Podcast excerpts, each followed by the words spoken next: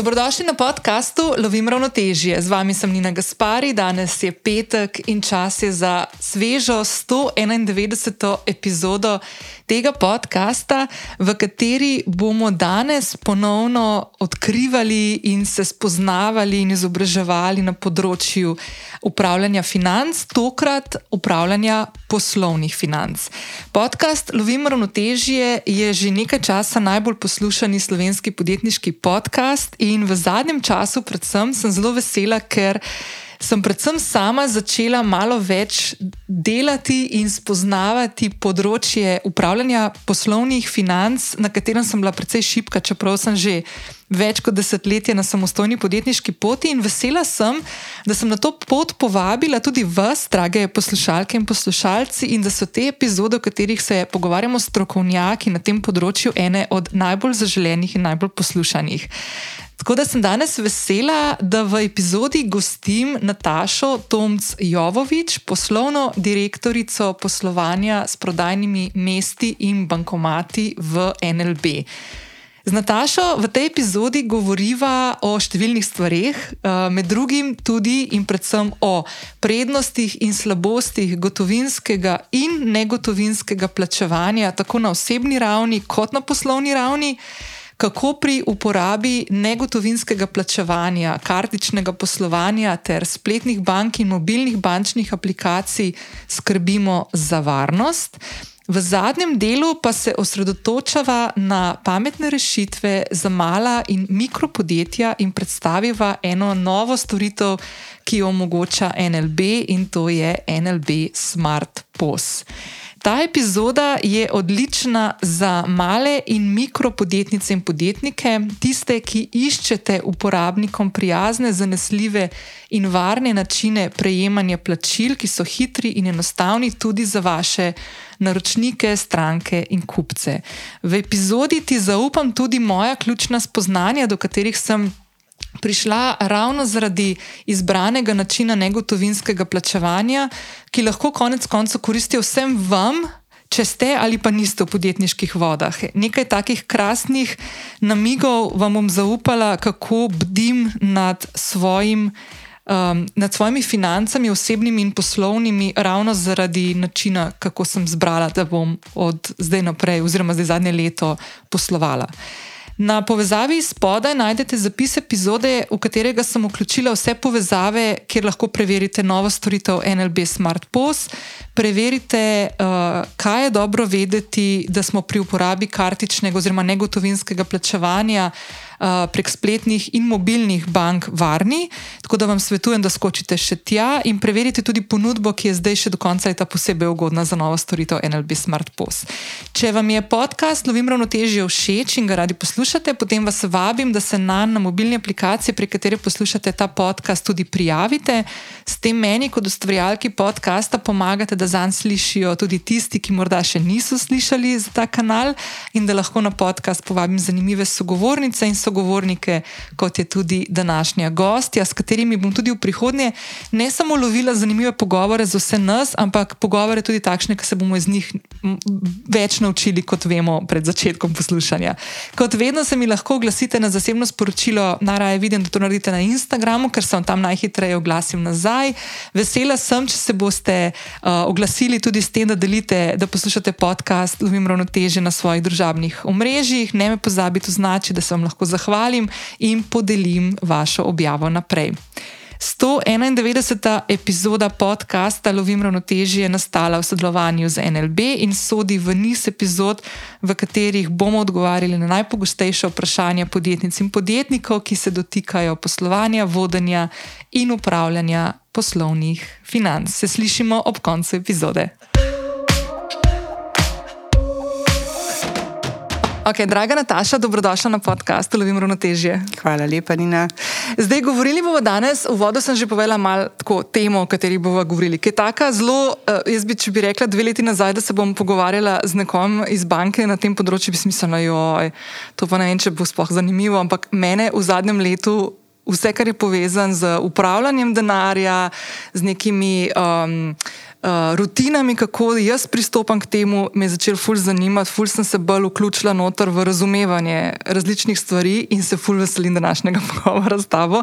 Tako z vidika Nine kot fizične osebe, kot Nine podjetnice.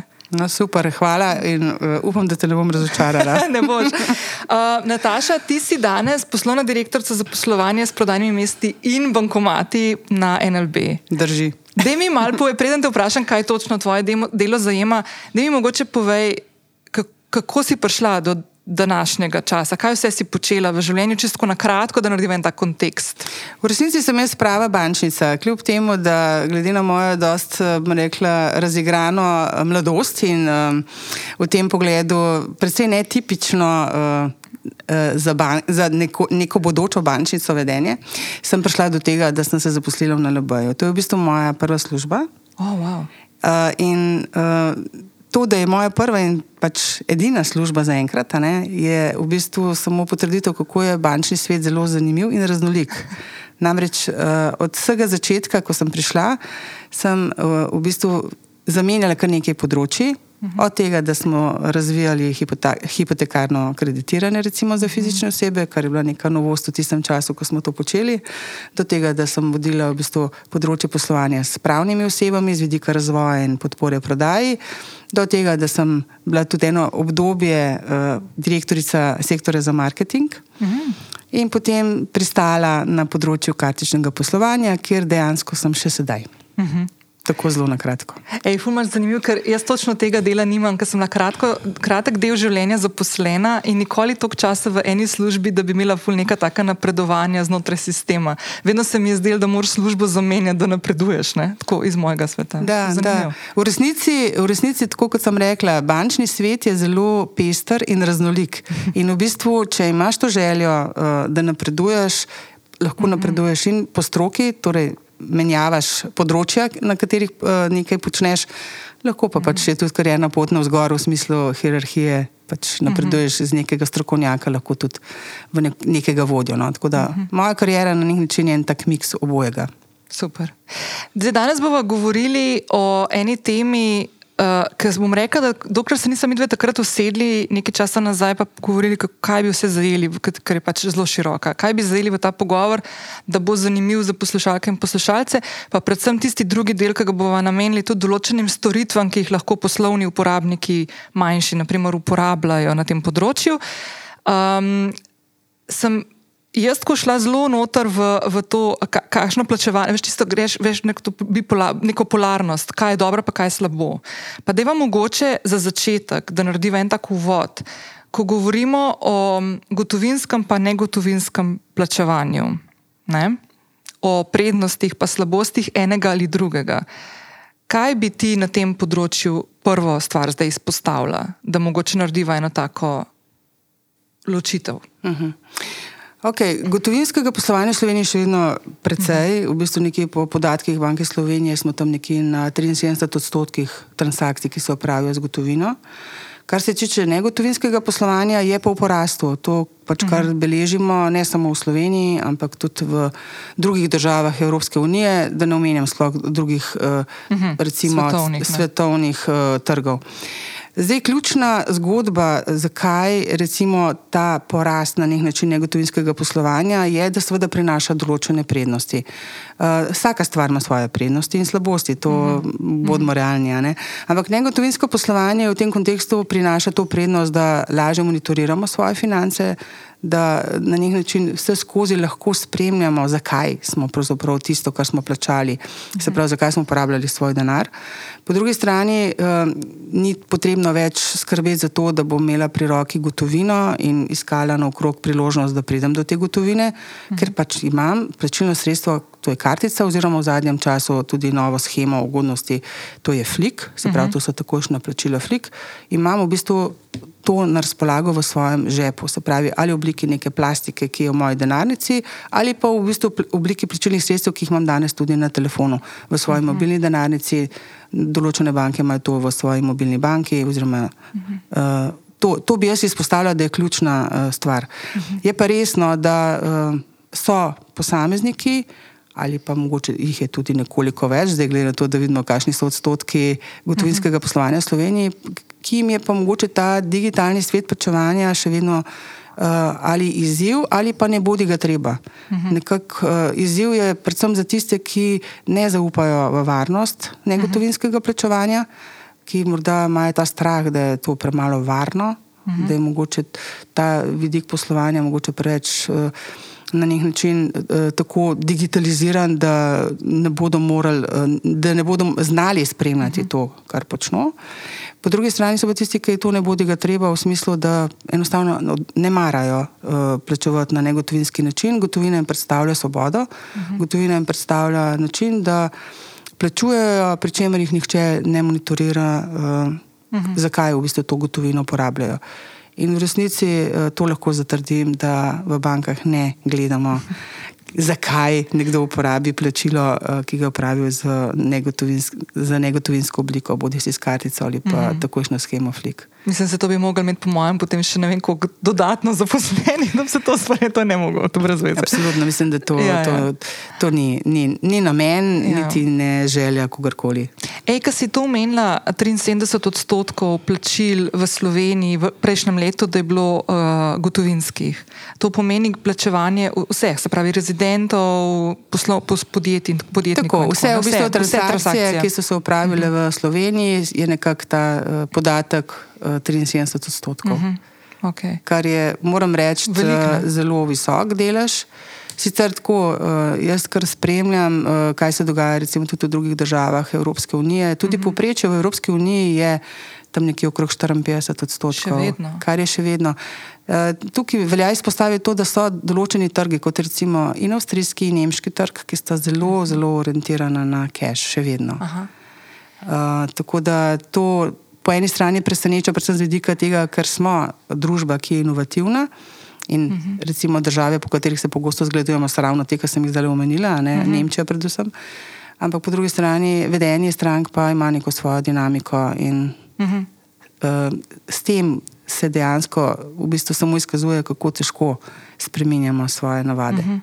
Ampak je smešno, jaz se spomnim leta nazaj, to je bilo še pred pandemski čas, mislim, da je ne pet ali pa šest let nazaj, ko sem bila v Amsterdamu, ni bilo šanse, da bi kjerkoli plačala z cashom, naprimer, uh mhm. -huh. tudi kavo, skodelico uh mhm. -huh. kave posod je bilo tako nov cash, je bilo napisano. Uh -huh. Pa se spomnim, ker sem bila na zadnje v Londonu, tudi mislim, da pol glih pol leta prej se je pandemija začela, pa bo pol omenila, zakaj je pandemija, mogoče, uh -huh. ker so se malo vzorci vedenja začeli uh mhm. -huh. spreminjati. Tam tudi ne spomnim, nisem pa šla v stik z angliškimi funti, ne, ker uh -huh. sem posod to brezstično kartico in za podzemno posod. Uh -huh kar se mi tudi zdi tako fajn. Preden te vprašam na drugo stvar, ki si omenila te dve državi, um, a, a, predvsem Avstrijo in Nemčijo. Um, omenila si, da se trend povečuje v prid negotovinskega plačevanja. Ne? A tukaj opažate, da je to posledica tudi ne vem, novih nekih načinov uh, kupovanja zaradi pandemije, zaradi tega, ker smo takrat je bil tudi porast, ne vem, spletno nakupovanje in tako naprej, sploh v prvem valu. Uh -huh, uh -huh. Ali se je to takrat začelo, ali se že kaj prej? Ali? V bistvu ta počasna, sicer zelo uh -huh. počasna rast je nekaj, kar beležimo že dlje časa. Uh -huh. uh, Je res počasna, ampak dejansko tudi to obdobje pandemije je prineslo svoje, predvsem v smislu, da to plačevanje, ki je bilo prej, recimo, fizično v trgovinah, uh -huh. se je preneslo na splet in v tem smislu seveda postaja v večji meri potem tudi z tega razloga negotovinsko. Ne? Uh -huh. um, seveda tudi tisti nekateri, ki so se odločili za, za nakup nečesa, kar jim je nekdo prinesel na, uh -huh. na vrata, uh, so plačevali nekateri tudi, če vedno z gotovino, ampak vsi tisti, ki so bili ponudniki to vrstnih storitev, so pa zelo hitro v bistvu prišli do tega, da je to zelo, zelo po eni strani zamudno za njih, ker pač je treba tisto gotovino sprejeti, jo je treba preštevati. Mm. Ne? In ena zadnja hraniti na način, da varno pride do tja, kamor je pač namenjena. Mm. Tako da, uh, sigurno, pandemija je pripeljala nek nov moment v tem smislu, da se uveljavlja tudi v bistvu negotovinsko poslovanje.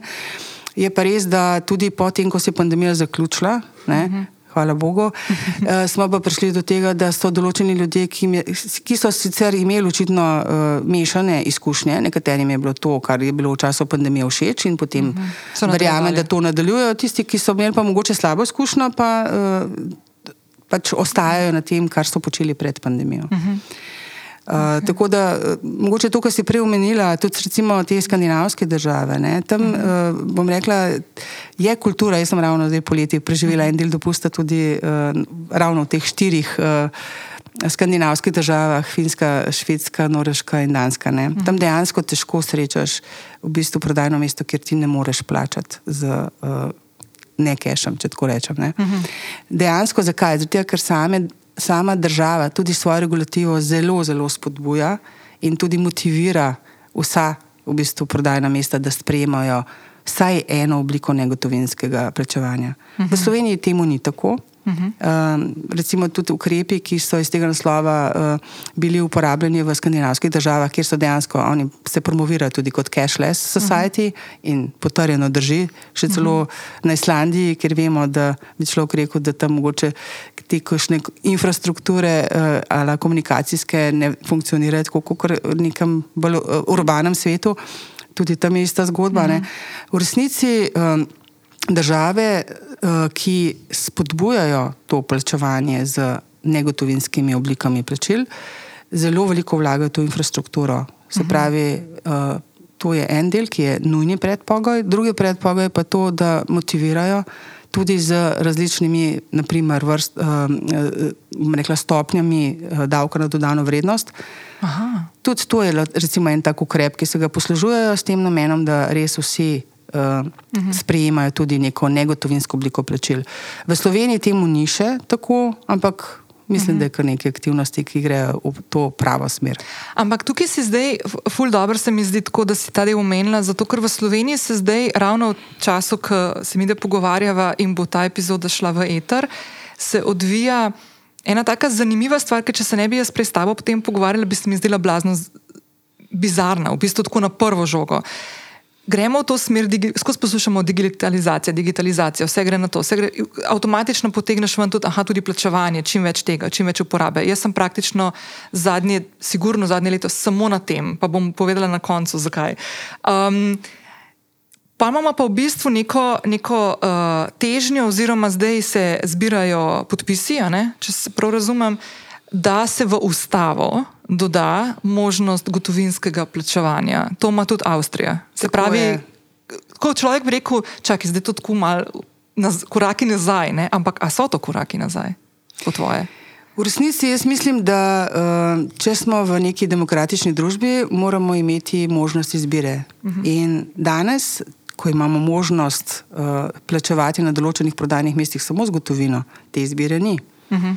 Tako da uh, osnovna, osnovna uh, bom rekla, moja teza je, da je prav, da ima vsak možnost izbrati, s čim in na kakšen način bo pač poravnal to, kar je kupil. Uh -huh. uh, to, da se želi uh, pripeljati to pravico do plačila z gotovino v ustavo uh, in se seveda zdaj tudi izvaja ta peticija. Uh -huh. Popolnoma legitimna uh, pravica, ampak uh, za vse tiste, ki so pač uh, rekla, zagovorniki gotovinskega plačevanja. Uh -huh. Jaz bi mhm. si želela, da bi tudi ta pravica za plačilo z negotovinskimi oblikami plačil bila zapisana kje druge, če že mora kje to biti mhm. -huh. zapisano. Uh -huh. Tako da uh, na koncu koncev pa to, kar sem tudi prej omenila, v državah, ki so cashless, je seveda volja in uh, želja ljudi tista, ki je pripeljala do tega, ker so -huh. pač ugotovili, da negotovinsko plačevanje je bolj preprosto, je enostavno in je tudi varno. Uh mhm. -huh. Torej, ni razloga, da, da ga ne bi uporabljali. Uh mhm. -huh. Zdaj, če pa greva mi dve na oba, obe obliki plačevanja, spravi na gotovinsko, pa ne gotovinsko, pa, to, pa dava to naprimer na raven podjetnikov, podjetnic. Uh mhm. -huh. Kje so prednosti in slabosti, oziroma um, kaj je ugodneje, kaj je dražje, mogoče, uh -huh. kar se tiče teh oblik? Ok, jaz bi tako rekla. Eh, pri negotovinskem plačevanju eh, je v bistvu osnovna prednost to, da potem, ko skleneš pogodbo, se pravi, zdaj se postavimo v vlogo podjetnika. Uh mhm. -huh. Eh, ko skleneš pogodbo za banko, definiraš v bistvu tudi neke cenovne pogoje, pod katerimi uh mhm. -huh. sprejemaš to negotovino. To je pač nek strošek, ki ga transparentno poznaš, celo odkar imamo regulativo ki izhaja že, še iz daljnega leta 2005, uh -huh. uh, je v bistvu uh, regulativa, ki je na nek način naložila vsem tistim, ki delamo na tem področju, da zelo transparentno prikazujemo svoje provizije. Uh -huh. Ne vem, če je kakšna industrija na tem svetu, kjer zelo jasno poveš, tudi kakšno imaš maržo. Uh -huh. Tako da, recimo, eh, banke, ki počnemo ta posel, se tukaj v tem delu popolnoma razkrivamo. Povemo, kaj je osnova za to, da definiramo to ceno, in tudi povemo, kakšna je provizija, uh -huh. oziroma marža, se.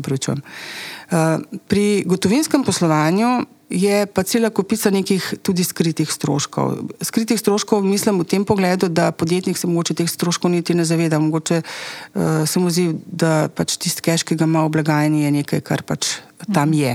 Ampak v resnici ta gotovina se polaga, uh -huh. tudi zato pač podjetnik nekaj plača. Uh -huh. uh, Se mora oskrbovati s to gotovino, tudi to ima svojo ceno. In ena zadnja je treba skrbeti, da je te gotovine vedno dovolj, uh -huh treba je to gotovino konec dneva prešteti, uh mhm. -huh. kar je tudi strošek, če ne drugega, tiste blagajničarke, ki to. Uh mhm. -huh. Dodaten uh, čas. Ne? Tako. Uh mhm. -huh. In ne na zadnje, uh, vemo, da pač, uh, se lahko dogajajo takšne ali pa drugačne. Tudi zlorabe na tem gotovinskem področju. Tako da uh, gotovino, kot tako, je treba tudi zavarovati, Mhm. Saj tista večja podjetja imajo zavarovanje uh, gotovine, torej, to je pa zelo eksakten strošek. Uh mhm. -huh. Tako da, če vse to pod črto seštejemo, ne, uh mhm. -huh. se pravi, in manipulativne stroške, in tiste stroške, ki so neposredno vezani z gotovinskim poslovanjem, in to primerjamo z negotovinskim, bi si upala trditi, da je strošek na tem segmentu negotovinskega poslovanja nižji. Nižji, ne? Uh -huh. Uh -huh. Omenila si varnost pri uh, negotovinskem plačevanju, oziroma pri ljudeh, ki mogoče jih skrbi, da če bodo plačevali s karticami, da lahko pride do zlorab ali pa ne vem, udora. Da mi povej, m, mm, kako realne so te skrbi. Pa kaj lahko mi, mislim, kaj, kako banka bdi nad tem, in kaj bi bilo dobro, da vsak posameznik, ki uporablja take oblike plačevanja, ve, in preverja, in zakaj je fajn, mislim, katere stvari treba spremljati in, in bdeti nad njimi. Uh mhm. -huh. torej, osnovna stvar, iz katere treba izhajati, je, da tako kot skrbimo za to, da se naša gotovina, ki se nahaja v denarnici, da je shranjena na varnem, je treba skrbeti tudi za to, da je naš telefon, na katerem uh mhm. -huh. imamo recimo plačilna sredstva v obliki neke mobilne denarnice na varnem, se pravi, da je zaklenjen. Uh mhm. -huh. To je tudi v bistvu en tak predpogoj, ki ga uh mhm. -huh. imamo na LB-ju, da naša mobilna denarnica na LBP deluje samo na tistih napravah, ki imajo tudi to vstopno geslo. Se pravi, da moram najprej odkleniti telefon, da lahko potem uh. -huh. opravim plačilo za kartico, ki se nahaja v neki digitalni obliki v mobilni denarnici. Uh -huh. Se pravi, to je prvo izhodišče, ki mislim, da je odgovornost vsakega posameznika, da ravna kot dober gospodar.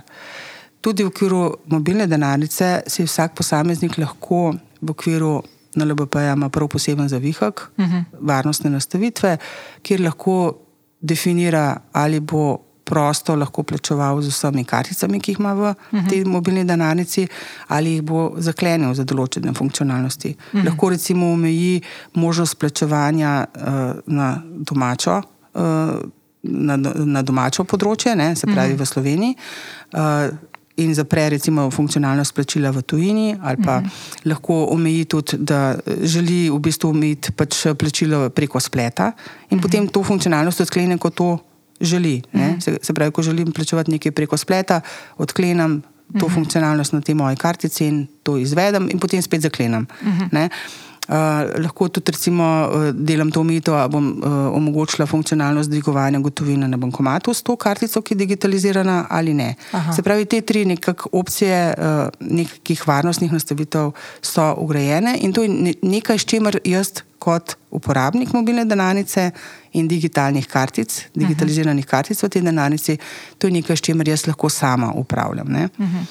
Seveda pa banka absolutno prvo, prvo, kar je, vse kartice, ki so izdane, so izdane v skladu z standardi, ki veljajo na tem področju varnosti. Uh mhm. -huh. Te standarde definirajo tako kartične scheme, kot nek tako imenovani PCI Council, uh mhm. -huh. ki zelo jasno definira, kaj so te zahteve, ki, mora, uh, ki jih mora v bistvu vsaka banka, ki je po, po eni strani izdajateljica kartic, kot tista banka, ki je pridobiteljica, mi rečemo, se pravi, to so tiste banke, ki imajo svojo mrežo prodajnih mest, kjer se sprejemajo v plačilo te kartice. Skratka, in po, tej, in po, po strani izdajateljstva, in po strani pridobiteljstva moramo imeti izpolnjene te varnostne zahteve. Uh -huh. To je osnova. Uh -huh. Seveda pa imamo v banki tudi službo, ki 24-7, vse dni v letu, zelo bedi nad tem, kaj se dogaja. Ker dejstvo je, nobena stvar ni v sto odstotna. To, to, to je treba povedati. In jaz -huh. mislim, da če bi govorili drugače, bi bilo -huh. napačno. Mislim, da je prav, da se pove, um, da seveda vedno obstaja možnost, da se zgodi tudi kakšna zloraba, uh -huh. ampak zato uh, skrbimo v banki preko uh -huh. teh služb, ki mi imamo tako imenovano fraud manager, kot se lahko uh -huh. temu tako reče. Se pravi, to je oseba, ki je usposobljena, več njih je eno. Uh -huh. Ampak to so ljudje, ki so usposobljeni, ki imajo znanje, ki tudi definirajo uh -huh. uh, v sistemih, ki jih imamo v procesnem centru, neke parametre, da če neko vedenje ne navadno, da se v bistvu pač tisto. Uh, bom rekla, ali področje, uh, se pravi regija, ali pa mogoče uh, konkretno uh, kartice na LB, recimo v tem uh -huh. primeru, uh, uh, raje blokirajo in počakamo, da vidimo, na čem smo. Uh mhm. Skratka, uh, bedimo nad tem, ni samo stvar posameznika, uporabnika, ampak je seveda to primarna skrb banke.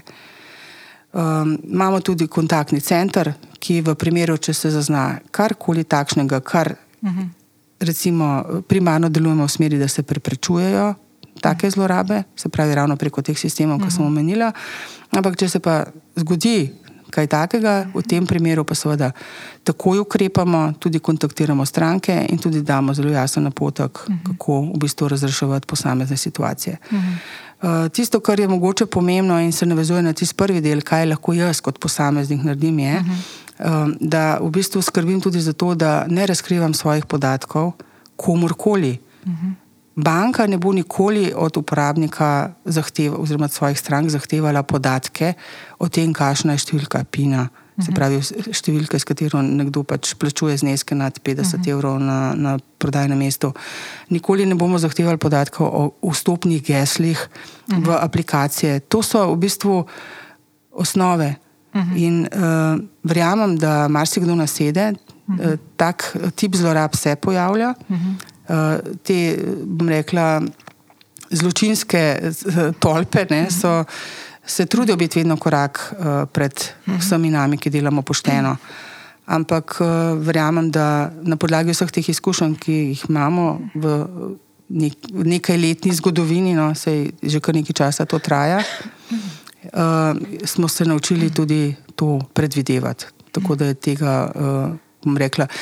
Torej, to, kar opažam, mogoče no, to lahko rečem, je, da se pojavlja ta tako imenovani phishing, ne, uh -huh. se mhm. pravi, da nekdo lovi podatke o strankah in to počnejo na zelo preračunljiv način. Uh, ali preko eh, SMS-a, recimo, prosijo, da potrdiš ali pa uneseš neke podatke o sebi, ali preko elektronske pošte, ali te celo pokličejo in so pri tem zelo prepričljivi. Ampak osnovni napotek še enkrat je, banka na tak način od svojih strank tako pomembnih podatkov, ki so varnostno pomembni, ne bo nikoli zahtevala.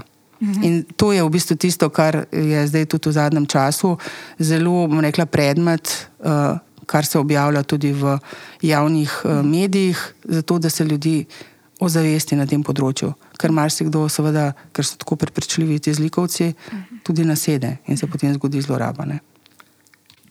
Ej, sem fulj vesela, da si to povedala, ker um, bom jaz tudi v zapis epizode dala spletno mesto, ki ste ga prav zato pripravili, uh, da se mal izobrazimo, vključno z mano. Jaz sem namreč dobila in SMS in uh, e-mail, ki ni bil od NLB-ja kot komitentka, in moram reči, da res, res, mislim, ful je dobro pokupiran. In sem šla mail pogledat in sem videla, da je mail uh, ni, yeah. Ja. da ni ta prav.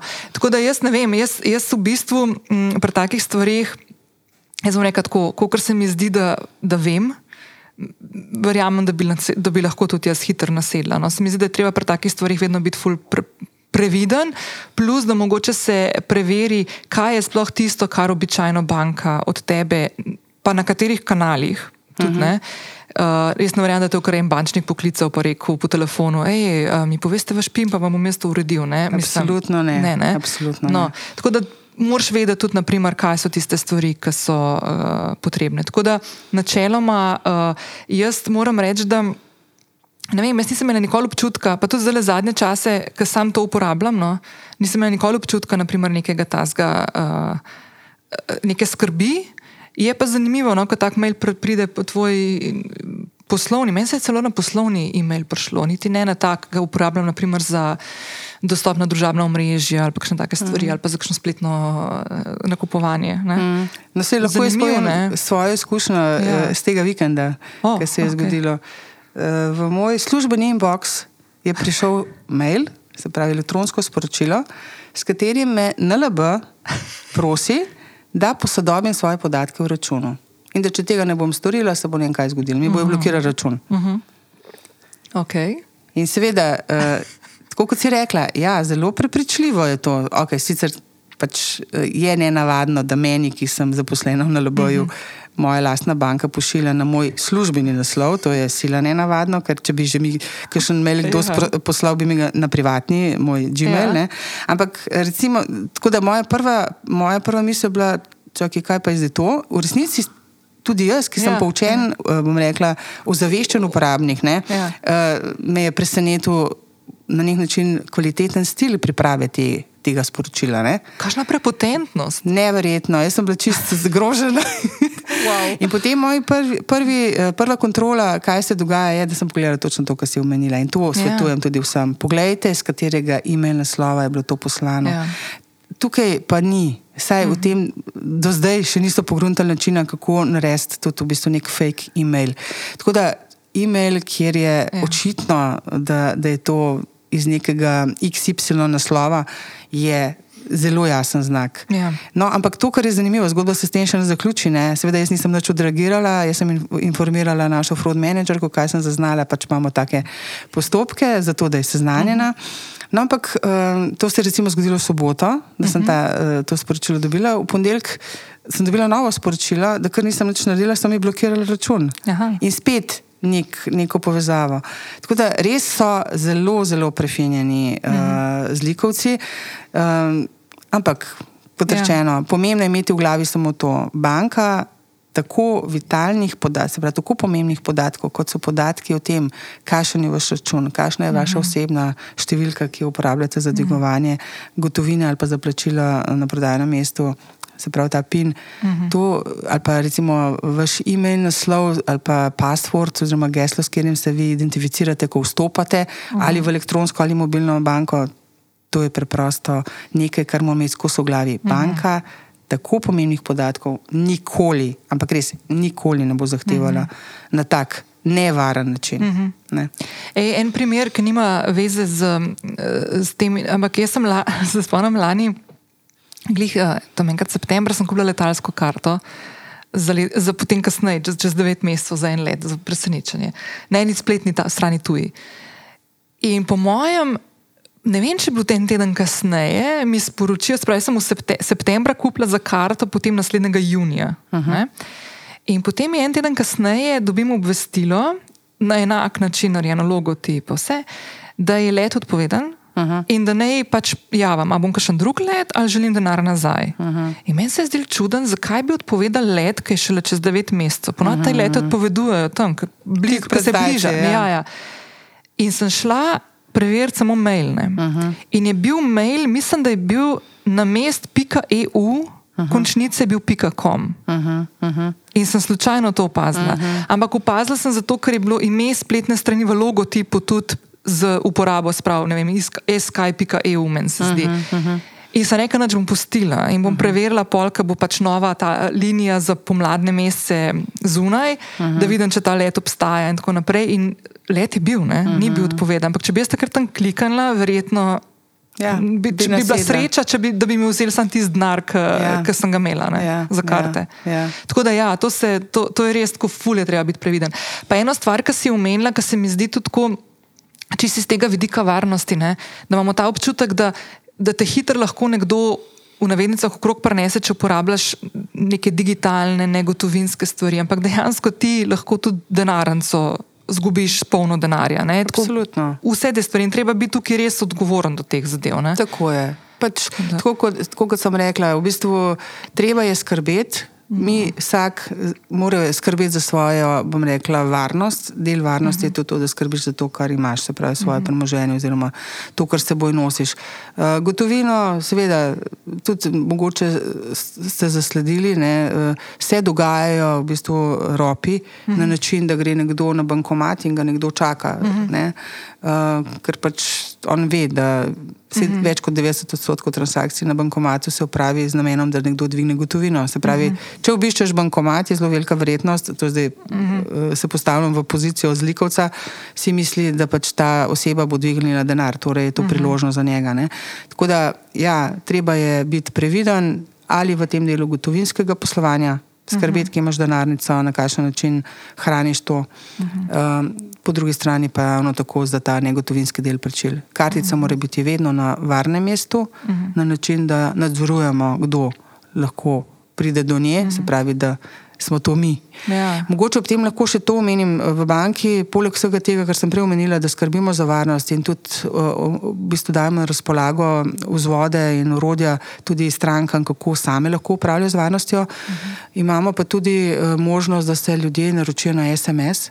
Uh -huh. Ki ga dobijo po vsakem izvedenem dvigu uh -huh. na bankomatu, oziroma po opravljenem nakupu.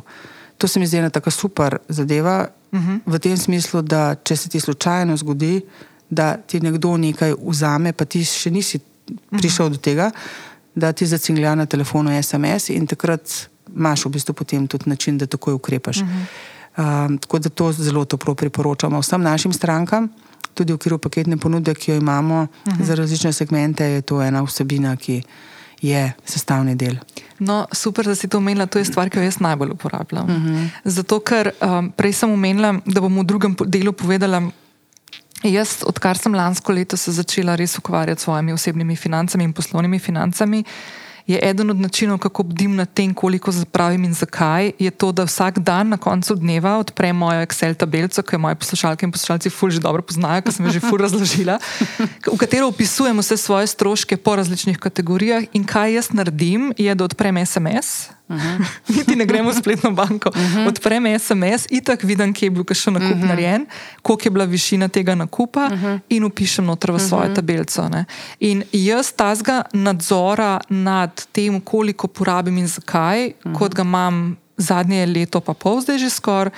Uh -huh. In koliko prihranim, tudi konec koncev, uh -huh. um, nisem prej nikoli imela. No? Uh -huh. in, in zato tudi večinoma jaz res zelo, zelo, zelo redke stvari kupujem ali pa plačujem z gotovino. No. Uh -huh. Moram reči, da sploh ne vem, koliko imam gotovino uh -huh. pri sebi. Uh -huh. Pa še parkingov zdaj ni treba več. Ali pa tržnice. Uh -huh. Kar pride zdaj do ene stvari, ki je tudi uh, eden od razlogov, zakaj smo se usedli in ta, ta, ta, ta tretji del najnega pogovora je ful zanimiv in pomemben za vse podjetnike in podjetnice, mogoče tiste malo manjše, ki delate ali na terenu. Naprimer, zdaj sem hotel omeniti, da še ne dolgo nazaj sem šel na tržnico k mojim najljubšim branjevkam in branjevcem. Uh -huh. ne vem, če branjevka, sploh v moškem, branjevcem.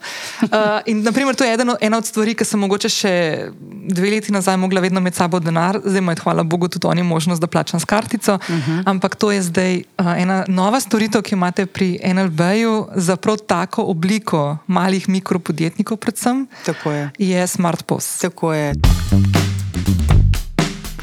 Spremenite svoj pametni telefon v mobilni post terminal.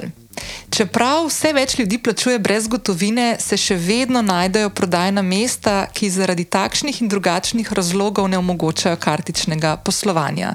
Če mednje sodi tudi vaše, ima NLB praktično rešitev.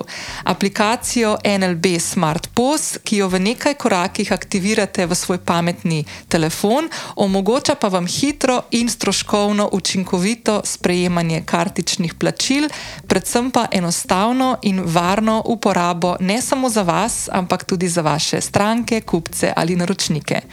Manjša podjetja in podjetniki, ki imate upravka s končnimi potrošniki, lahko spremenite svoj pametni telefon ali tablični računalnik v mobilni post terminal ter svojim strankam, kupcem ali naročnikom ponudite preprosto, hitro in varno brezstično plačevanje.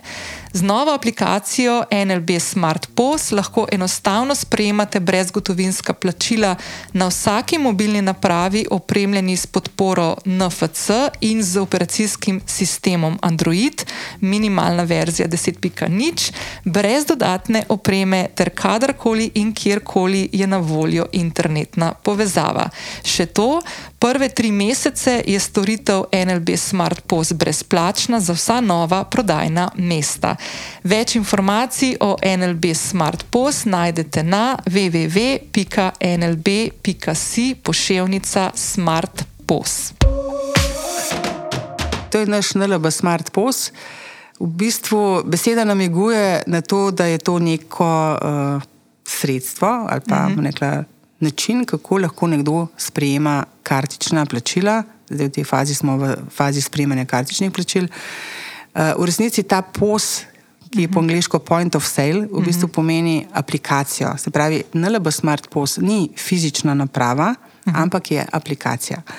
To je aplikacija, ki jo nekdo v bistvu naloži na svojo mobilno napravo, zaenkrat so to Androidi. Uh, lahko je to tudi tablica in v bistvu s tem pride do POS-a, ki ga je danes v bistvu imel v neki fizični obliki. Uh -huh.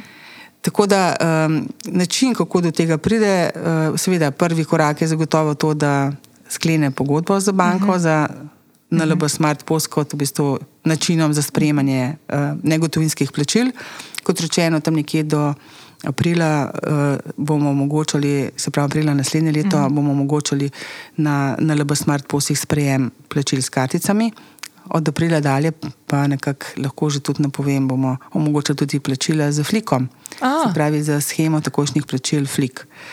Uh, korak naslednji je, potem ko je sklenjena pogodba, da seveda v okviru te pogodbe se definira konkretni elektronski naslov, uh mhm. -huh. na katerega potem ta naša stranka, prodajno mesto, dobi v bistvu. Um, uh, uporabniško, uporabniško geslo, uh -huh. in potem uh, se definira tudi konkretna telefonska številka mobilnega uh -huh. telefona, na katerega pa ta stranka prejme v bistvu tudi aktivacijsko geslo. Se pravi, uh -huh. sta dva elementa. Varnostno. Ne? Tako je. Uh -huh. uh, tako da stranka potem, ko podpiše, se pravi, prodajno mesto, vsi podjetniki, mikropodjetniki uh -huh. primarno oziroma nosilci samostojnih uh, dejavnosti.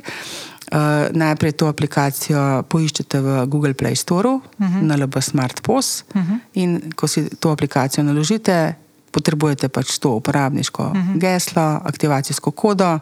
Eno uh -huh. prejmete preko elektronske pošte, eh, drugo preko telefona uh -huh. v obliki SMS-a, in lahko začnete poslovati in sprejemati kartična plačila.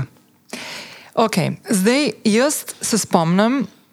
Tri leta nazaj, ko sem z NLB-jem prvič sodelovala na področju, na, na okviru pomoči. In uh -huh. ena od stvari, ki je bila tam noter uh, zabeležena, da tisti, tista podjetja, mala in mikropodjetja, ki bodo vključena v okvir pomoči in bodo izbrana, bodo imela možnost, da imajo vem, eno leto, mislim, da je bilo nekaj takega, eno leto brezplačnega najema post-terminala. In jaz sem si mislila, takrat pa kako.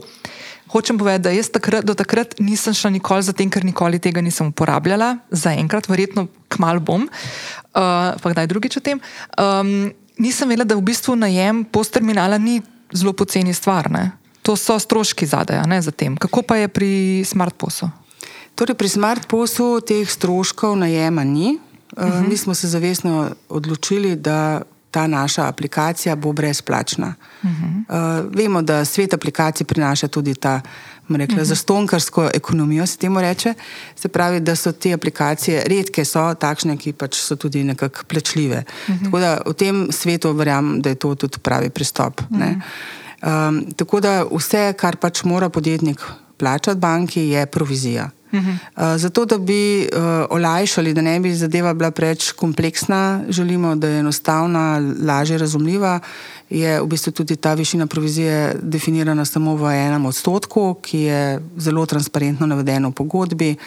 Tako da v bistvu ni tle nekih še dodatnih stroškov vezanih na samo Mhm. uporabo SmartPost aplikacije. Ne.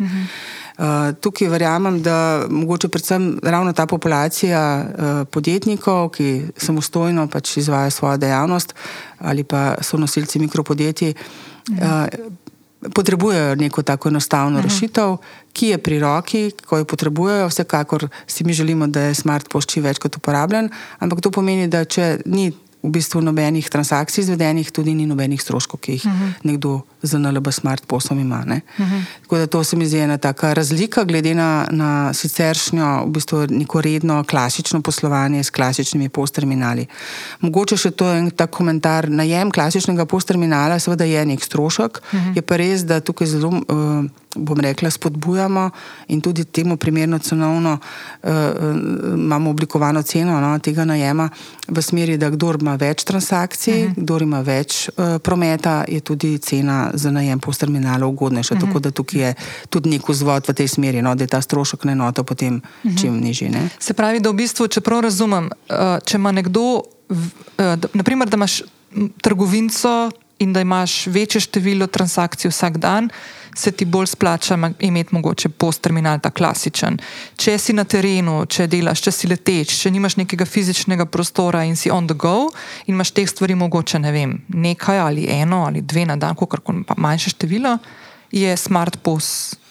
Rešitev, ki bi bila primernejša. Prav razumem. V bistvu, tako bi rekla, primarno, komu je namenjen smart ja. bi jaz bolj vezala na to, kakšen tip dejavnosti opravlja. Okay. Uh, zdaj, ali ima več ali ima manj de, uh, transakcij, sigurno je, -hmm. rekla, ena taka spodbuda v tem kontekstu, kot si omenila. Se pravi, če ima nekdo res veliko uh, transakcij, če ima velik obseg prometa, uh, se pač ima -hmm. tudi recimo tako dejavnost, da ne potrebuje hoditi po terenu, recimo, ne, takemu vsekakor tudi naprej svetujemo, da uporablja pač klasični posel. Uh, ampak, če ima tak tip dejavnosti, kjer pa je ta hoja po terenu, se pravi, to so različni dostavljalci, lahko so to v bistvu tudi. Uh, agenti, takšni in drugačni, ki pač prodajajo uh različne vrste a, ali blaga ali pa tudi storitev, se pravi, se, recimo lahko tudi pod, pos, posredniki, recimo za zavarovalnice. Naprimer, uh -huh.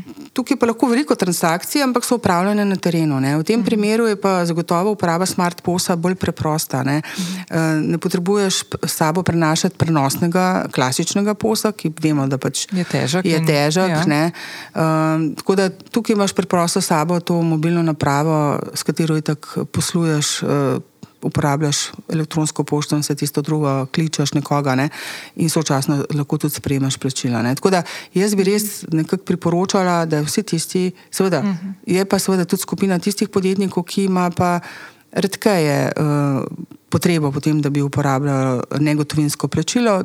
Se pravi, v tem uh -huh. primeru pa absolutno SmartPost je prava rešitev, tudi če ima nekdo dejavnost, ko recimo se ne seli po terenu. Uh -huh. Tako da. Uh -huh. Obe smeri. Kako izgleda, ker mi smo navajeni, ko gremo naprimer, v trgovino, ko plačamo na post terminalu, dobimo pa, položimo vem, brestično kartico ali damo notri, kakorkoli, dobimo ven listek, potem dobimo SMS, pa prej rekli. Ne, uh -huh. Kako izgleda to z vidika nekoga, ki uporablja kot podjetnik uh, smart post storitev in nekoga, ki plača na, prek smart posta? Kako to izgleda, kakšne so razlike? V bistvu je tako, pri, um, bom rekla, smart poslu, uh, torej podjetnik uh -huh. ima to aplikacijo naloženo uh -huh. na svoji mobilni napravi, se pravi, lahko je to tablica, lahko je mobilni telefon, uh -huh. tipa Android, uh -huh. seveda. Um, v tem primeru ta uh, aplikacija jo pač zažene uh -huh. in uh, stranka, ki želi plačati s kartico, recimo zdaj v tej fazi, kasneje tudi s flikom, kot sem rekla, uh -huh. pa prisloni kartico na zadnjo stran. Se pravi, ne prislanja kartice na ekran, na ekran kot Aha. je sicer recimo uporabniška izkušnja na klasičnem postterminalu, ampak spodnje strani. Uh -huh. To je pač čisto samo zato, ker je tako pozicionirano uh, ta NFC, se pravi Near Field Communication uh, točka, ne, zato da se pač ta transakcija lahko na brezstični način v bistvu opravi. Uh -huh. uh, druga razlika, ki jo bi pa tukaj omenila z vidika uporabniške izkušnje, pa je, se pravi tistega, ki plačuje, pa da v bistvu je tukaj tipkovnica na uh, telefonu, se pravi, če uporabljamo smart post, je, ni tipkovnice, uh -huh. ker klasični post ima svojo tipkovnico, ki je stalna, fiksna. Uh -huh. Medtem ko pri smart postu, pa zaradi varnosti, se ta tipkovnica prikaže na ekranu telefona uh -huh. ali pa tablice, pri čemer se spreminja. Aha. Uh, je spremenjajoča se, verjamem, da mogoče kakšnim uh, posameznikom to zna predstavljati uh, izziv, uh -huh. uh, ker so navajeni, da ti svoj pin. Da so črke vedno na, mislim, številka je številka vedno na, vedno na istih pozicijah. Ja. No, tukaj se to spreminja, ampak tukaj spet smo pri varnosti. Uh -huh. uh, vemo, da s tem, ko nekaj utipkavamo na ekran, to pušča sledove. Uh -huh. In temu se reče strokovno pinon glas. Aha, se pravi, okay. če bi nekdo hotel zlorabiti uh -huh. kartico posamezne stranke, bi lahko v bistvu tudi preko tega, kje so prstni otisi, ko je nekdo tipkaval svoj pin, uh, uh -huh. bi lahko po klasični tipkovnici razbral, kakšna je številka tega uh, posameznika, ne? pin številka. Tako da je zato, zato ta ukrep, da se ta tipkovnica spremenja in seveda treba je pri tem, ko opisujemo, uh, razmišljati, uh, kakšna je moja številka. Ja, ne, ne samo upisati po, po pozicijah številk, kot smo pač običajno vajeni. Samo veš, da nisem niti pomenil, do, do tega trenutka, ki zdaj le govoriš. Nisem niti pomislila na to, da dejansko ti daš nekomu lahko že svoj telefon, da tipka PIN. Uh Mhm. -huh. Kako je res pomemben, da, da je tako varovalo. No? Ja, ja. To je res, ko že čist neki, po mojem, čist iz vidika tega.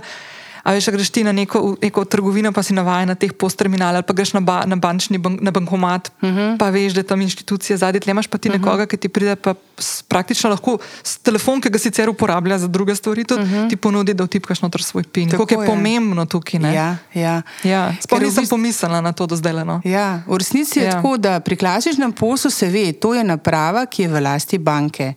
Banka je tista, ki, ki jamči, tudi jamči ja. da je ta naprava varna.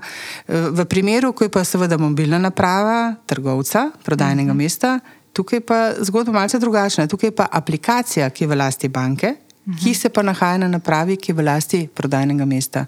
In zato ta dodatni varnostni element, uh -huh. da se tipkovnica spremenja. In je treba pač res razmišljati o tem, kakšno številko imaš. Ampak mogoče ob tem sem toliko. No, Uh, vemo, da je v Sloveniji ta mejni znesek za to, uh, ko moraš odpisati Aha, to številko, je 50 evrov. Nad 50 evrov. Tako uh -huh. da za vse nakupe do 50 evrov tudi uh -huh. te telovadbeno bo potrebno upraviti. A ja, pa se preskoči kot pred siceršnjem postterminalu. Tako, tako. Aha. In potem uh, dobiš na mail oziroma dobiš na SMS potrdilo, ta, kot, kot kupec. No, to je naslednja razlika, ja. se pravi ta potrdilo o nakupu, uh -huh. po domači post-slip, kot rečemo. Uh -huh. V primeru, če je pač plačilo upravljeno preko smart posa, uh, se v bistvu ne generira fizično, uh -huh. uh, ampak uh, ga posredujemo, lahko, ga trgovec lahko posreduje ali na mobilno številko stranke ali na elektronski naslov ali preko uh -huh. Viberja. Pač imamo več teh možnosti. Ki... Stranko se vpraša, kako želite tudi ta. Tako, slip? prvo vprašanje, že danes. Ja danes v bistvu tudi pri klasičnem poslu, ali -huh. sploh želite slip. Ja. Ja. Ker dejstvo je, da pač uh, slip je nekaj, kar mogoče če dalje manj ljudi uh -huh. uh, se sploh odloča za to. No? Ampak tisti, ki pa želijo ta slip, uh -huh. ga pa v primeru smart posla.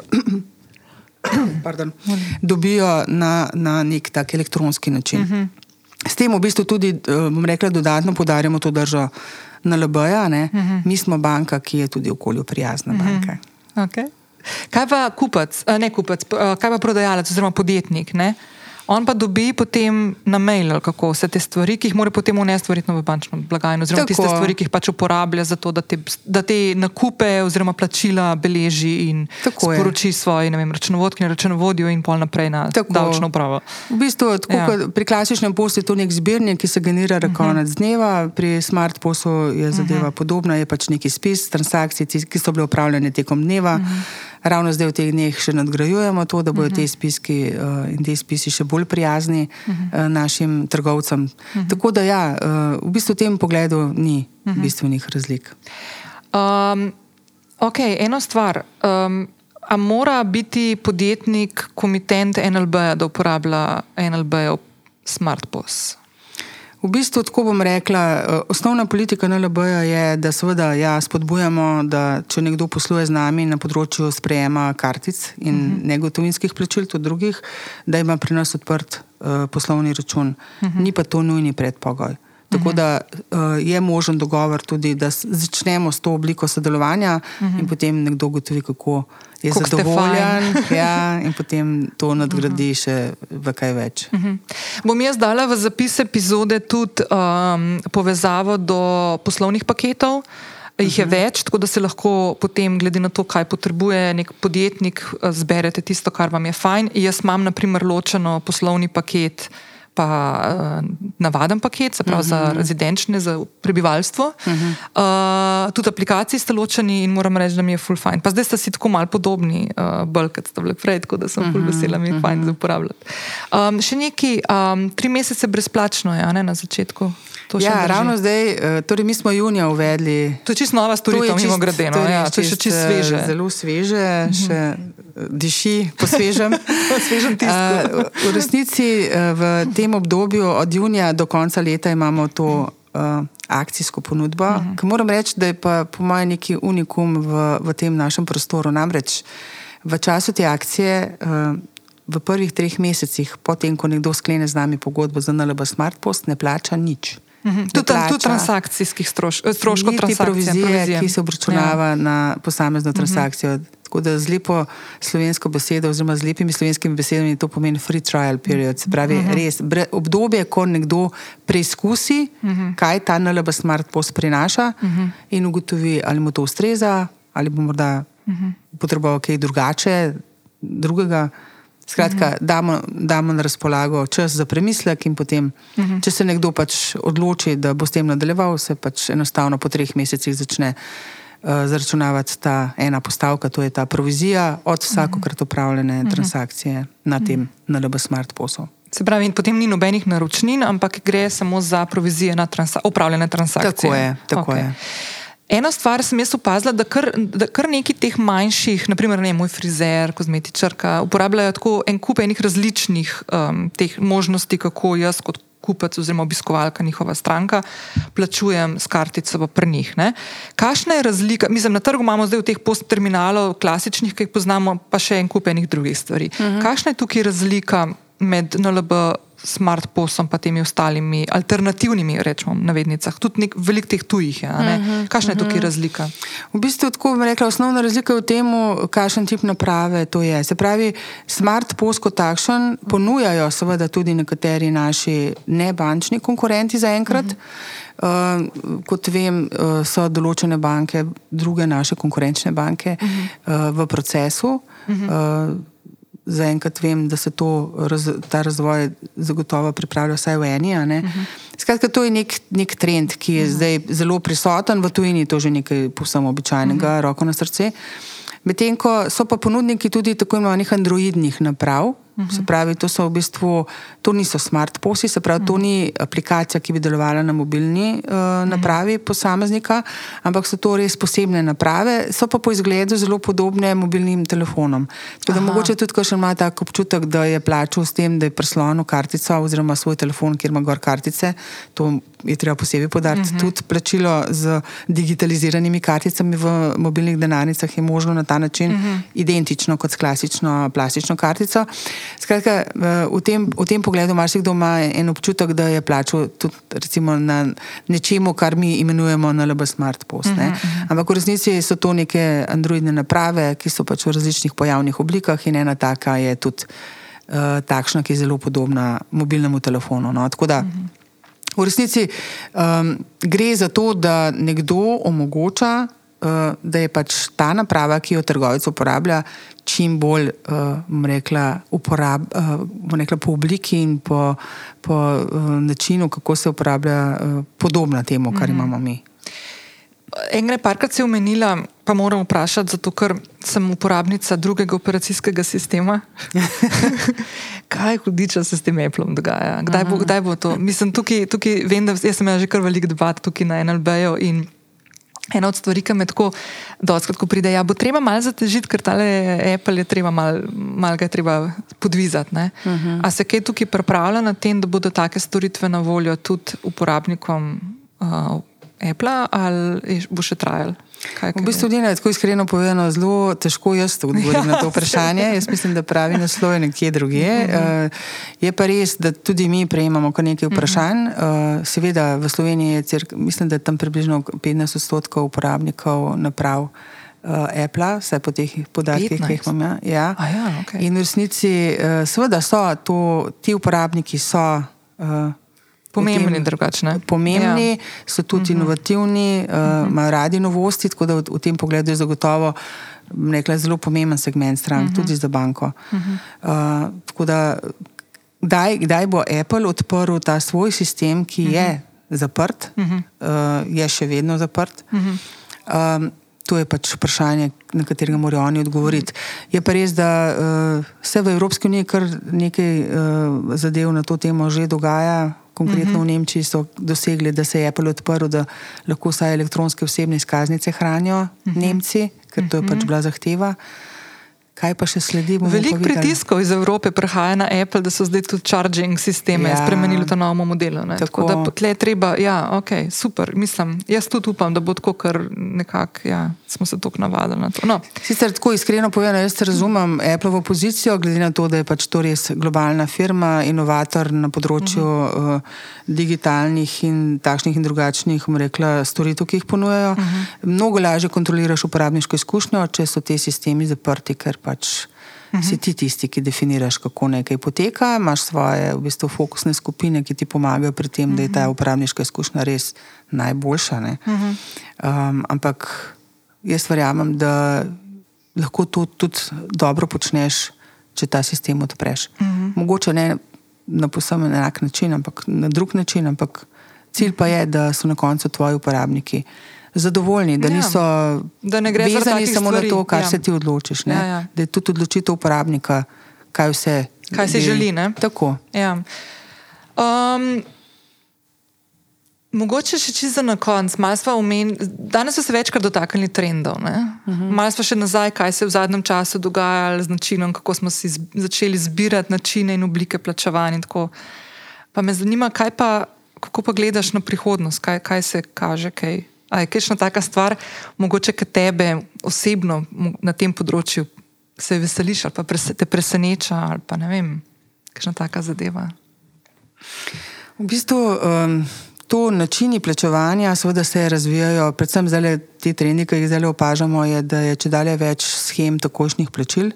Zato smo tudi v Sloveniji recimo, uh, oblikovali to neko schemo, uh, ki temelji ravno na tem sistemu takošnih plačil, to je schema Flik. Uh, o tej nisem kaj dosti govorila, no, ampak to je v bistvu uh, koncept, kjer lahko, seveda, v neki digitalizirani obliki dostopam do tega flika, se pravi, ga imam shranjenega, konkretno v NLB, je to v NLB, pej denarnici, ne, ki mi omogoča, da plačam in v iste sekundi, ko jaz to plačam na prodajnem mestu, uh, um, lahko v bistvu ta uh, konkretno prodajno mesto pride do teh sredstev. Se pravi, v, v tistih nekaj sekundah se zgodi ne samo to, da jaz opravim plačilo, ampak da se tudi sredstva iz mojega osebnega računa prenesejo na račun trgovca. Mm -hmm. Tako da to je ena taka stvar, ki jo opažamo, pri čemer eh, ta svet takošnjih plačil zagotovo prinaša še mnogo drugega. Uh, konkretno v Sloveniji, recimo v okviru Flika, že danes lahko si nakazujemo fizične osebe sredstva in ravno tako nismo več omejeni samo na prenašanje sredstev znotraj banke, ker Aha. recimo še pred uvedbo Flika je bil ta prenos sredstev iz uh, računa, ki ga imam jaz v NLB, na drug račun v NLB, to je bila mhm. edina opcija, da lahko v nekih sekundah opravim ta prenos sredstev. Ne? Če sem pa želela recimo nakazati nekomu drugemu, ki ima račun v drugi banki, je bilo pa to mhm. nakazilo izvedeno potem, ko seveda, uh, je plačilni promet deloval. Se pravi, svet takošnih plačil v resnici prinaša to, da uh, se to. Ti prenosi opravijo v nekaj sekundah. Ne. Uh mhm. -huh. Ampak, dobro, zdaj, zdaj sem zelo v bistvu. Ne, ampak veš, kaj sem nekaj hotel zdaj vprašati. Zdaj se počutim kot en dinozaver, ker jaz flik tudi imam, seveda. Uh -huh. In jaz ga dejansko zelo redko, no, ga ne uporabljam. Ne uh -huh. um, če ga uporabljam, ga uporabljam zato, da si prenašam, ne vem, ne vem gremo na večerjo in plačam jaz, in pol nekdo reče, da je polovica te bom jaz, da je uh mhm. -huh. flikno gor. Naprimer, uh -huh. uh -huh. okay. Ampak da bi pa jaz šla naprimer, na neko prodajno mesto in bi s flikom plačala. Uh mhm. -huh. To pa, še, to, pa še nisem, to pa še nisem zasledila, sploh nisem vedela, da je to možno. Je možno. Uh, celo, eh, bom rekla, eden največjih trgovcev uh, na drobno, Okay. ki je naša stranka, je dejansko bil naš prvi trgovec, ki smo ga opremili z flikom. Okay. Da jaz zdaj ne bom delala Ne, ne, ne, ne, ne, v redu. promocijskega. ne, pa lahko tudi poveva. No, lahko pa poveva, konc koncev, če greste v špar, Okay. lahko tam plačate z flikom. Se pravi, kaj, jaz telefon naslonim gor na. ali V bistvu kako? v okviru mobilne denarnice, kjer imate flik, Ja. uh, izberete flik, virtualno kartico. Aha. Uh, če jo imate nastav, prednastavljeno, uh Mhm. -huh. uh, potem niti ni treba odpirati aplikacije na LBP, ampak samo odklenete telefon in prislonite, ko treba pač plačati. uh, Na uh, postterminal v Šparu. Recimo. Okay. Zdaj, teh trgovcev je vsak dan več, to moram povedati. Špar je bil tisti prvi naš uh, trgovec, ki se je za to odločil. Uh, tudi druge banke zelo aktivno delajo na tem, uh -huh. da bi bil ta flik čim večkrat sprejet na uh -huh. prodajnih mestih. Tako da teh prodajnih mest je že kar nekaj, res pa je, da ravno to, zato sem tudi omenila, uh, ljudje ne, ne, ne poznajo te funkcionalnosti. Ja. V okviru uh, flik uh, scheme uh, se dela tudi v to smer, tako da v letošnji jeseni se nadejamo kakšne promocijske A. akcije v to smer. No. Okay. Uh, tako da ja, s flikom se da v bistvu tudi plačevati na prodajnih mestih, seveda predpogoj za to pa je, da prodajno mesto ima To sklenjeno omogoča. pogodbo in da to omogoča. Ja, tako. Se pravi, tukaj je edina fora v tem, da jaz v bistvu kartice pred denarnice naprimer, ne rabim med sabo in ne rabim nič prenakazovati na nek drug račun, na katerega imam vezano virtualno kartico, ampak dejansko je flik tak že povezan z mojim računom. Tako, tako. Aha, ok. Ta virtualna flik kartica je po funkciji zelo podobna debetni klasični kartici. Uh -huh. V bistvu eh, s tem, ko plačam s flikom, se takoj obremeni za ta znesek moj osebni račun. račun. račun. S tem, da dodana vrednost tega flika pa je z vidika prodajnega uh -huh. mesta, trgovca, da to plačilo dobi, Dobi v takoj. nekaj sekundah Ja. na svoj poslovni račun. In to se mu tudi prikaže seveda na izpisku in uh -huh. je zadeva, saj v, bom rekla v nekem obdobju, ko so mogoče uh, posamezniki v malce težji likvidnostni situaciji, je to sigurno neka storitev, ki jim olajša to likvidnostno krizo, če jo imajo prebrodati. Uh -huh. recimo, ne. Se pravi, to je še en hint za male in mikropodjetnike. Absolutno. Okay. Absolutno. Tako da, mogoče še to, no, uh, flik na prodajnem mestu pride zelo prav tudi v tistih primerjih, ko je predpogoj za to, da nekdo plača, da se nekaj opravi ali nekaj dostavi ali nekaj karkoli. Skratka, če je politika podjetja taka, najprej plače, potem bom pa jaz opravil to, Aha. pa to, ne, je v bistvu flik super, zato ker nekdo je lahko na lokaciji, kjer je tik pred tem, da bo to storitev ali pa karkoli pač blago dostavil, da v bistvu preveri, a je plačilo je bilo izvedeno, to vidi na svojem poslovnem računu, ker pač je transakcija v dobro in se loti tistega svojega dela. Odlično. A je še kakšna taka stvar na tem področju, ki smo jo mogoče pozabili? Je še kakšna zadeva, ki bi jo ti izpostavila?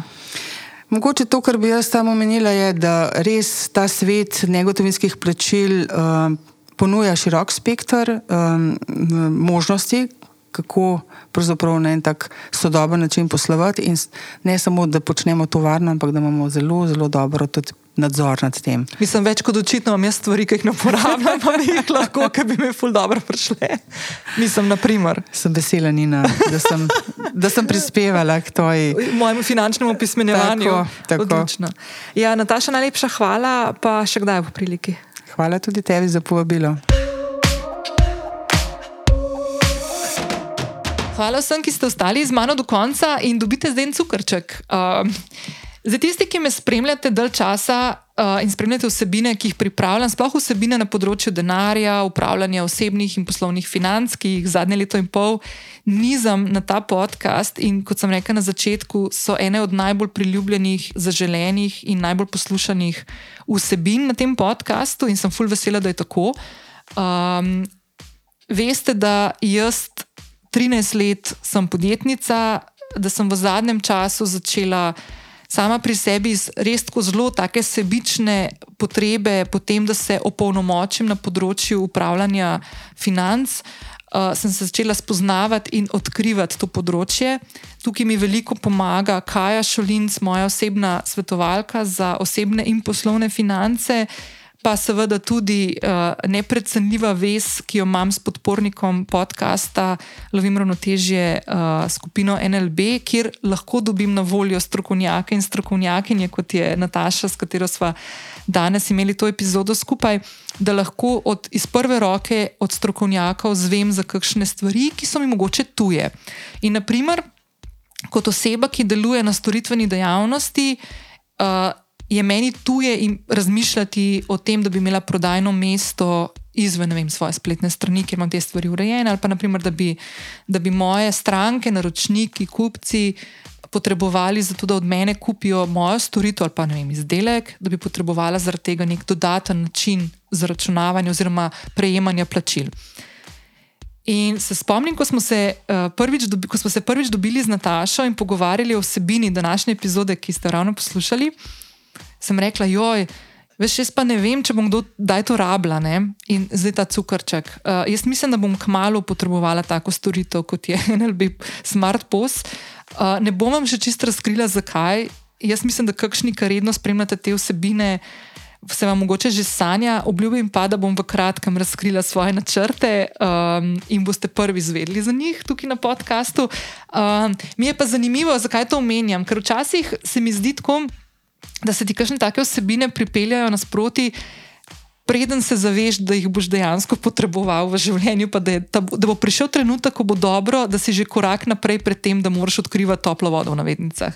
In sem full vesela, da smo z Natašo ugriznili v to, um, v to debato. Uh, in da sem jo spoznala, da imam konec koncev tukaj na voljo človeka, ki, ki bo odgovoril še na kakšno vprašanje, če se mi bo porodilo. Tako da, uh, tako da sem fulj vesela na tem področju. Zdaj, za vse vas, ki ste to poslušali, um, ali ste z vidika podjetnic, podjetnikov ali pa ljudi, ki hodite in plačujete s kartico ali gotovino, se mi zdijo take, take debate in taki pogovori.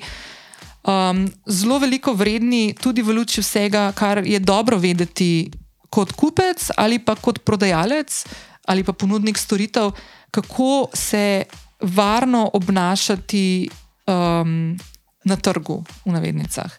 Um, se mi zdi, da v zadnjem času še posebej je veliko uh, sporočil, ki jih prejemamo, tudi konec koncev bančni komitenti. Jaz sem tudi omenila, da sem ena od tistih, uh, ki sem dobila že kar nekaj takih sporočil. In se mi zdi tudi pomembno, da se zavedamo varnosti, da se zavedamo tveganj um, pri gotovinskem ali negotovinskem poslovanju.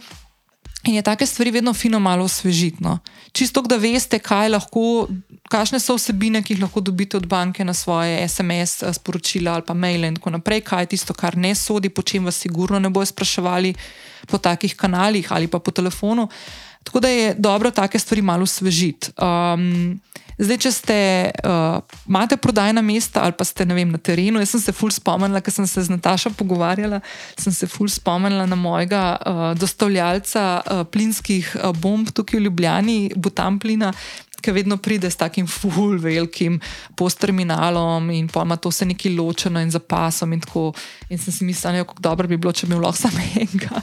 Ampak to so naprimer take stvari, polk enkrat začneš take tematike in si radoveden in pa začneš opazovati v svojem okolju stvari, ki se ti tako le propeljajo. Tako da, ja. skratka, uh, še enkrat hvala vsem, ki ste bili do konca. Uh, cukrček, ki sem vam ga danes malo namignila, vam razkrijem k malu in se ful veselim, da vam bom lahko povedala, kaj sem pripravila, s čim sem se ukvarjala zadnje tedne, mesece um, in, uh, ja, in da vidimo, kam bo to odpeljalo. In ta podcast, mene, vas, uh, vse skupaj. Tako da, to je to. Lepo se majte, se slišimo k malu. Ciao!